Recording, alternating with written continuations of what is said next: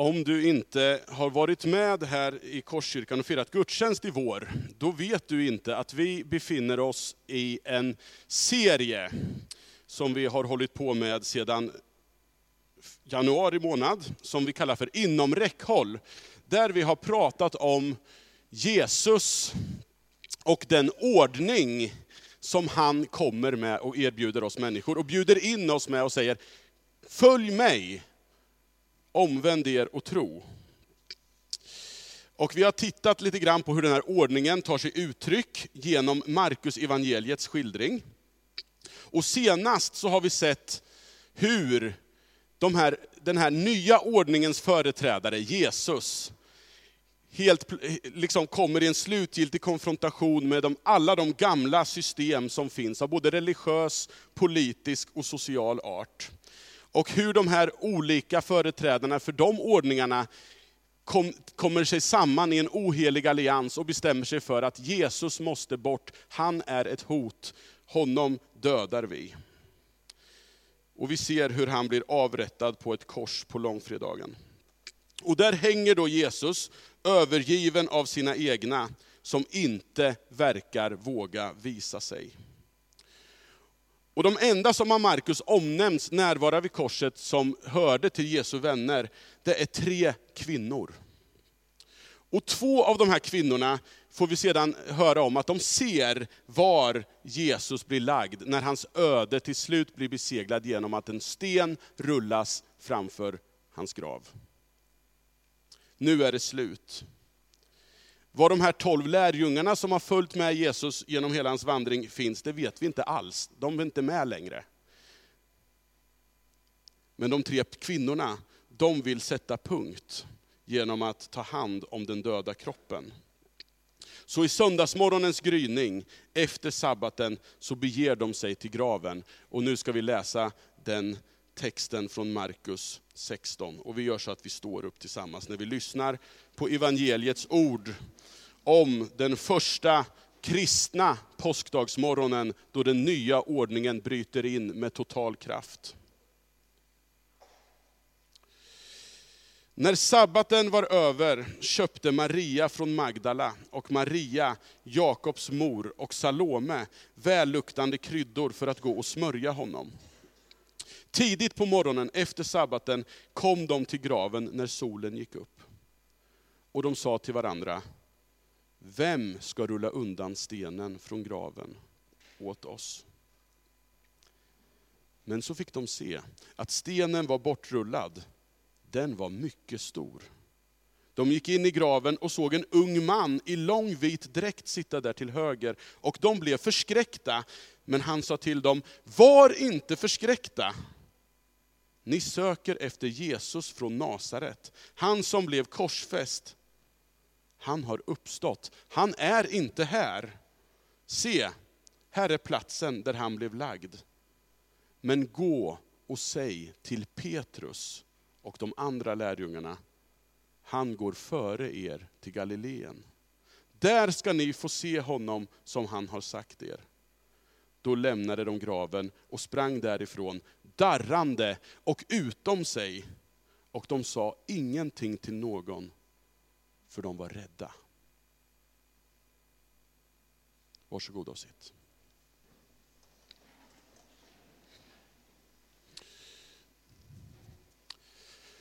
När jag var sju år gammal, då kom det en oerhört upphåsad film som hette Tillbaka till framtiden. Med Michael J Fox i huvudrollen. Och filmen kan jag tycka idag att den är okej. Okay. Men titeln, den är ju helt fantastisk. Den är så fyndig tillbaka till framtiden. Back to the future. Och ingenting kan så kärnfullt sammanfatta vad det handlar om att fira påsk, som tillbaka till framtiden.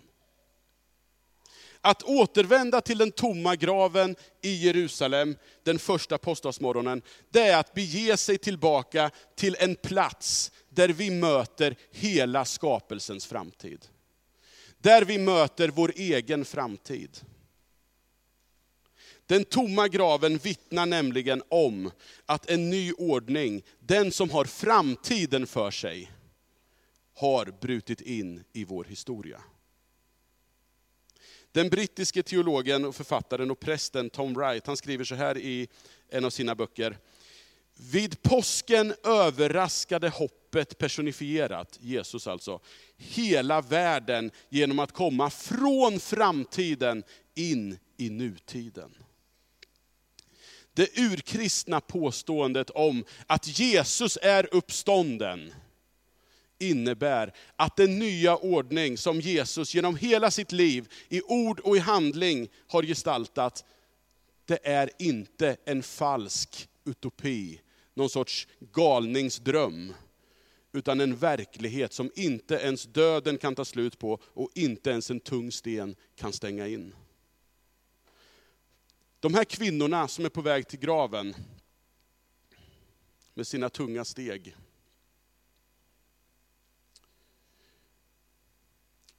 de är sorgsna. Sanningen håller på att sjunka in. Deras Jesus, den som de har följt, den som de har satt sitt hopp till, är död. Och så går de här i ruinerna av allt det som de hade trott på och byggt upp hela sitt liv omkring. Och så bearbetar de sin sorg, och så tänker de, att vi måste i alla fall göra det som man gör med de döda. Vi ska ta hand om hans kropp. Och så funderar de där, hur ska det gå med den där stenen egentligen? Vem ska hjälpa oss med den? Och så det som sen möter dem, det verkar inte riktigt när man läser det här som att de hade väntat sig det. Stenen är bortrullad och inne i graven sitter en, någon som beskrivs som en ung man. Och så levererar han världshistoriens största nyhet. Var inte förskräckta, ni söker efter Jesus från Nasaret. Han som blev korsfäst, han har uppstått, han är inte här. De första som får bevittna den här tomma graven, oavsett vilken skildring i Nya Testamentet vi läser, det finns ju fyra evangelier, och alla har sina betoningar i det här förloppet, hur det här gick till den här morgonen. Men oavsett vilken skildring vi läser, så är det kvinnorna som får komma dit och bli bevittna det här först. I det samhället, i det systemet, så betraktades inte kvinnor som myndiga. Deras vittnesmål ansågs inte juridiskt tillförlitliga. Och att kvinnorna är de första vittnena ger här en fingervisning om att den här nya ordningen, det är en ny ordning, det är annorlunda. I den ordningen så är uppdelningar baserade på sådana här världsliga kategoriseringar som etniskt ursprung, kön och social status helt satta ur spel. Och att respondera på det här påskropet, Jesus Kristus är uppstånden, som vi gjorde så frejdigt förut, det är också att redan nu börja söka den framtida ordning som blir verklighet där och då. Och som Paulus beskriver så kärnfullt i Galaterbrevet 3. Nu är ingen längre jude eller grek, slav eller fri, man eller kvinna. Alla är ni ett i den uppståndne Kristus Jesus. Att vidmakthålla världsliga strukturer, där vi bedömer varandras värde, trovärdighet och status utifrån sådana här strukturer, är på motsvarande också ett sätt att faktiskt förneka uppståndelsens verklighet. Tror vi på uppståndelsen, då vill vi verka för det som Paulus beskriver där. Berättelsen ger fler fingervisningar om vad, den här, vad som genom uppståndelsen är inom räckhåll. Försoning är inom räckhåll. Efter att ha konstaterat att han är inte här, fortsätter den unge mannen i graven och säger så här, säg till Petrus och de andra lärjungarna. Säg till Petrus. Det sista Markus skriver om Petrus innan det här, det är att han brast i gråt. Petrus har svikit Jesus. Han har förnekat honom inför andra vid tre tillfällen på väldigt kort tid. Han har gjort sig skyldig till ett enormt svek. Och lika tung som den här orubbliga stenen framför gravhålet där, så är antagligen den grämelse och smärta som Petrus bär på. Han är utom räckhåll för att kunna försonas med sin älskade vän Jesus. Och jag vill ju tro att den där hälsningen inte ska förstås som att, ja hälsa Petrus och de andra. Utan jag tror att den där hälsningen ges därför att Petrus behövde den hälsningen vid namn. I den bottenlösa ångest han upplevde. I flera översättningar, bland annat 1917, så står det så här. Säg till hans lärjungar och särskilt till Petrus. Uppståndelsen öppnar tillvaron för försoning och förlåtelse och nåd över allt förnuft. Att leva tillsammans i den här världen, det vet vi, leder oundvikligen till att vi sårar och gör varandra ledsna. Vi sviker varandra. Och ibland så gör vi oss skyldiga till saker som vi själva inte förstår vidden av.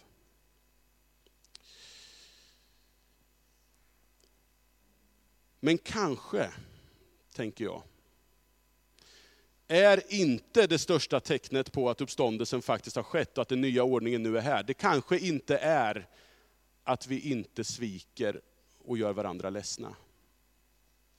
Det kanske inte är det som är det stora tecknet, utan det största tecknet kanske handlar om att vi trots svek, trots sår som vi tillfogar varandra, kan välja försoningens väg.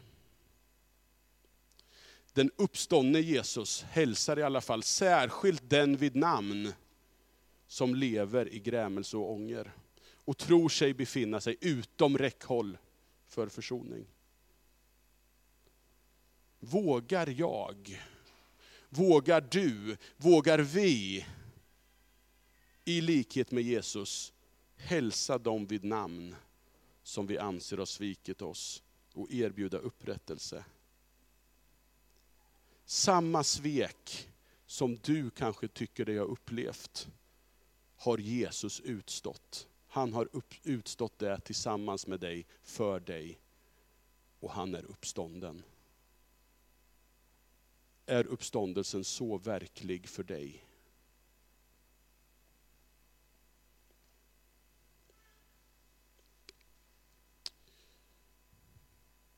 En andra sak som den här texten talar om, det handlar om att en helig ny vardag är inom räckhåll. Den här hälsningen till Petrus och de andra lärjungarna lyder, han går före er till Galileen. Där ska ni få se honom som han har sagt er. Ni som har varit med under våren vet att den här nya ordningen som man tänkte sig, skulle innebära att Jesus eller Messias då, som man tänkte sig att Jesus var, skulle bli kung i Jerusalem och därifrån härska över Israel och hela världen.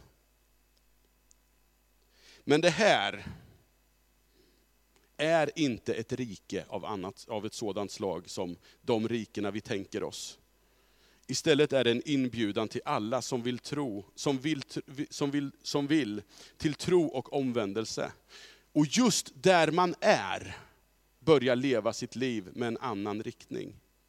Lärjungarna som Jesus hälsar till, eller som den här mannen hälsar till,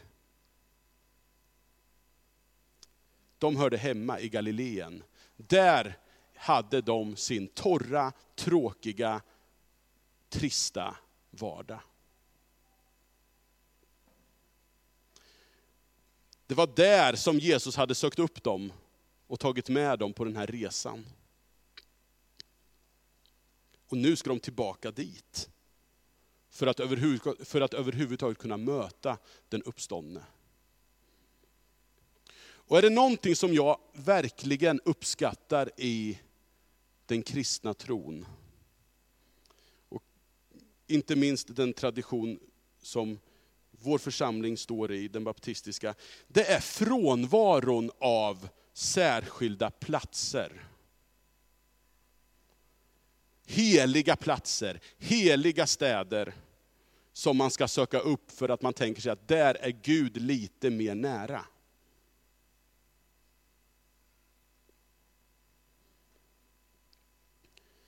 Frånvaron av de här särskilt heliga platserna är ju inte ett uttryck för att Gud inte skulle vara närvarande, utan snarare ett uttryck för att Gud efter uppståndelsen och andens utgjutande är överallt.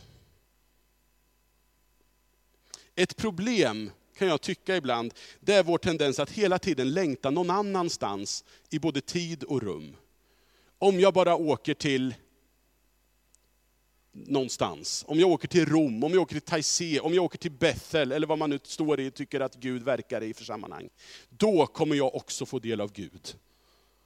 Eller om jag bara får göra det här först, då ska jag ta tag i det här med att försöka vårda min gudsrelation och så vidare. Och det är inget fel i sig med att söka sig till ställen där man tror att man kan få påfyllning och så vidare. Men det kan leda till en uppdelning av världen som inte är riktig i ljuset av Jesus uppståndelse. För att i Jesu uppståndelse så är världen helig. Vi kan möta Gud överallt. Så uppståndelsens verklighet gör att alla de varianter vi har på templet i Jerusalem, som vi håller oss med, har spelat ut sin roll. Gud möter oss istället där vi är. Han går före oss till våra olika Galileen. Vad är Galileen i ditt liv? Kanske ditt köksbord, din arbetsplats, din hyresgästförening, din skolklass, din lokala församling, din smågrupp. Där vill Gud möta dig och Jesus går före dig dit. Hela livet blir helig, heligt och fyllt med Guds närvaro i ljuset av uppståndelsen. Och därför kan vi också i uppståndelsens ljus försona oss med livet som det har blivit. Jag lever i en konstant 40-årskris sedan några år tillbaka. Och jag är så förbittrad ibland över hur dåligt det blev. Och så tycker alla, men du har det ju fantastiskt. Ja, jag vet det, men jag tycker ändå att det blir dåligt, för vi tänker så. Men i ljuset av uppståndelsen så får jag faktiskt vara ganska nöjd. För Gud är med mig där jag är. I en låt som heter Sundbyberg så adresserar Ingmar Olsson den här tendensen att längta bort istället för att hitta det heliga i det vardagliga. Och så landar han med evangeliet som grund i det här, i följande. Det börjar lite lugnt och stilla, en snickare från Nasaret. Gudomligheten i det lilla, så vi möjligen kan hitta rätt. Obeskrivligt stora under som känns genom ben och märg, de har också sina givna stunder, till och med i lilla Sundbyberg.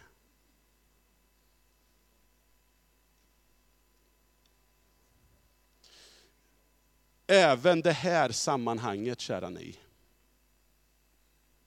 här och nu kan vara en plats där den uppståndne blir synlig. Här kan vi få uppleva förvandling, tröst, helande, upprättelse, frälsning. Är uppståndelsen så verklig så att vi tror det? Att vi hoppas det?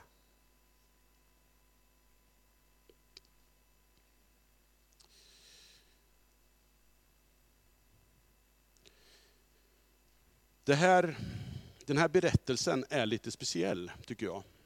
Därför att den har ett ganska snöpligt slut. Och i de äldsta formerna man har av Markus evangeliet så slutar Markus skildring med den här meningen. Då lämnade de graven, sprang därifrån, darrande och utom sig, och de sa ingenting till någon, för de var rädda. Punkt. I det slut som vi har i våra biblar, så, så beskrivs sen vad som hände i Galileen när Jesus uppenbarar sig och, och liksom umgås med sina lärjungar och så. Men, men det fanns inte med i Markus skildring från början. Det ursprungliga slutet har antagligen försvunnit, kommit bort. Eller, säger en del, så menar man att det var en avsiktlig poäng med Marcus, för Markus att avsluta sin berättelse på det här lite slutet som hänger lite grann i luften. Oavsett vad som är sant i det, så är ju ändå det här ett snöpligt slut. Fjärran från de här triumfatoriska ordalagen som vi hörde från inledningsordet när Paulus skriver om att nu har Kristus uppstått från de döda, där, där, där, där, där, där. Och hur fantastiskt det är. Och det är ju fantastiskt. Men här landar det i att den unge mannen, han uppmanar kvinnorna till två saker. Var inte förskräckta, gå och berätta.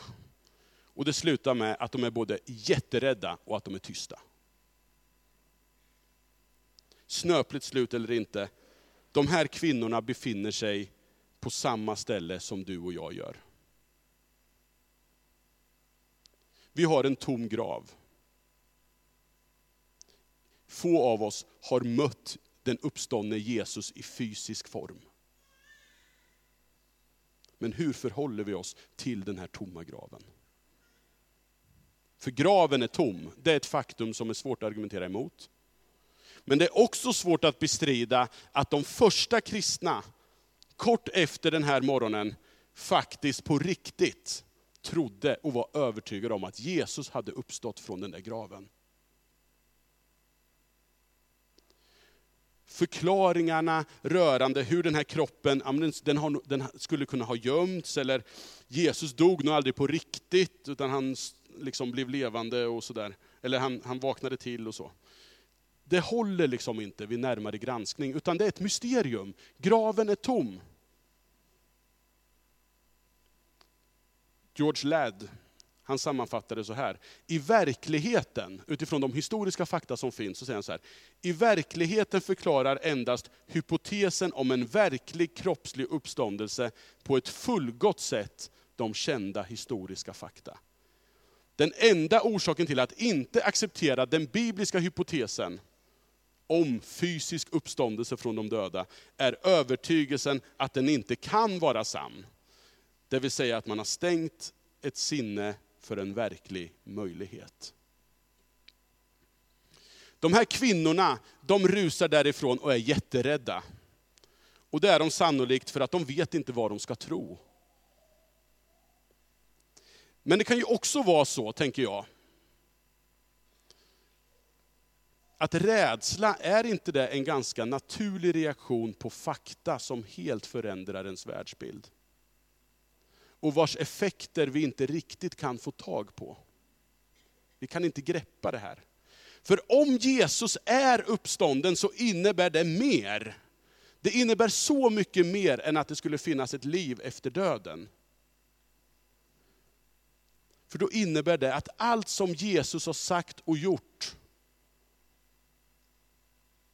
att det är vägen till livet. Det finns liksom ett inbyggt imperativ i uppståndelsen, att också nu då ordna våra liv efter de förutsättningarna som uppståndelsen ger oss. Om Jesus är uppstånden, då är Jesus mönstret att följa. Och det liv som hör framtiden till, även bortom döden och graven, finner vi bara i hans efterföljd. Uppståndelsen är inte bara en fantastisk händelse i historien, utan det är en händelse som gör ett anspråk på en respons från dig och mig. Hur reagerar jag på budskapet om att Jesus är uppstånden? Vad, hur påverkar det mitt liv? Är det primärt en sorts tröst jag lutar mig mot vid tanken på livets slut, men som i övrigt inte påverkar mitt sätt att leva så mycket? Eller låter jag det påståendet i grunden forma mitt liv? efter en ny ordning av försoning i min vardag.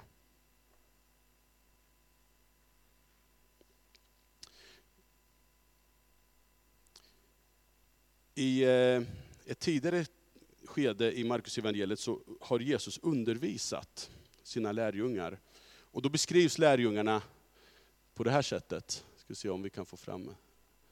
De fäste sig vid orden och undrade sinsemellan vad som menades med att uppstå från de döda. Vad menades med det? De gick och funderade på det, för Jesus hade antytt någonting i sin undervisning. Och så säger en teolog som heter Shed Myers, han säger så här. Här, vid skildringens slut, alltså i det här, när de här kvinnorna har lämnat graven, står vi i exakt samma position. Vi förstår inte helt och hållet vad uppståndelsen betyder. Men om vi har förstått berättelsen borde vi hålla fast vid det vi vet.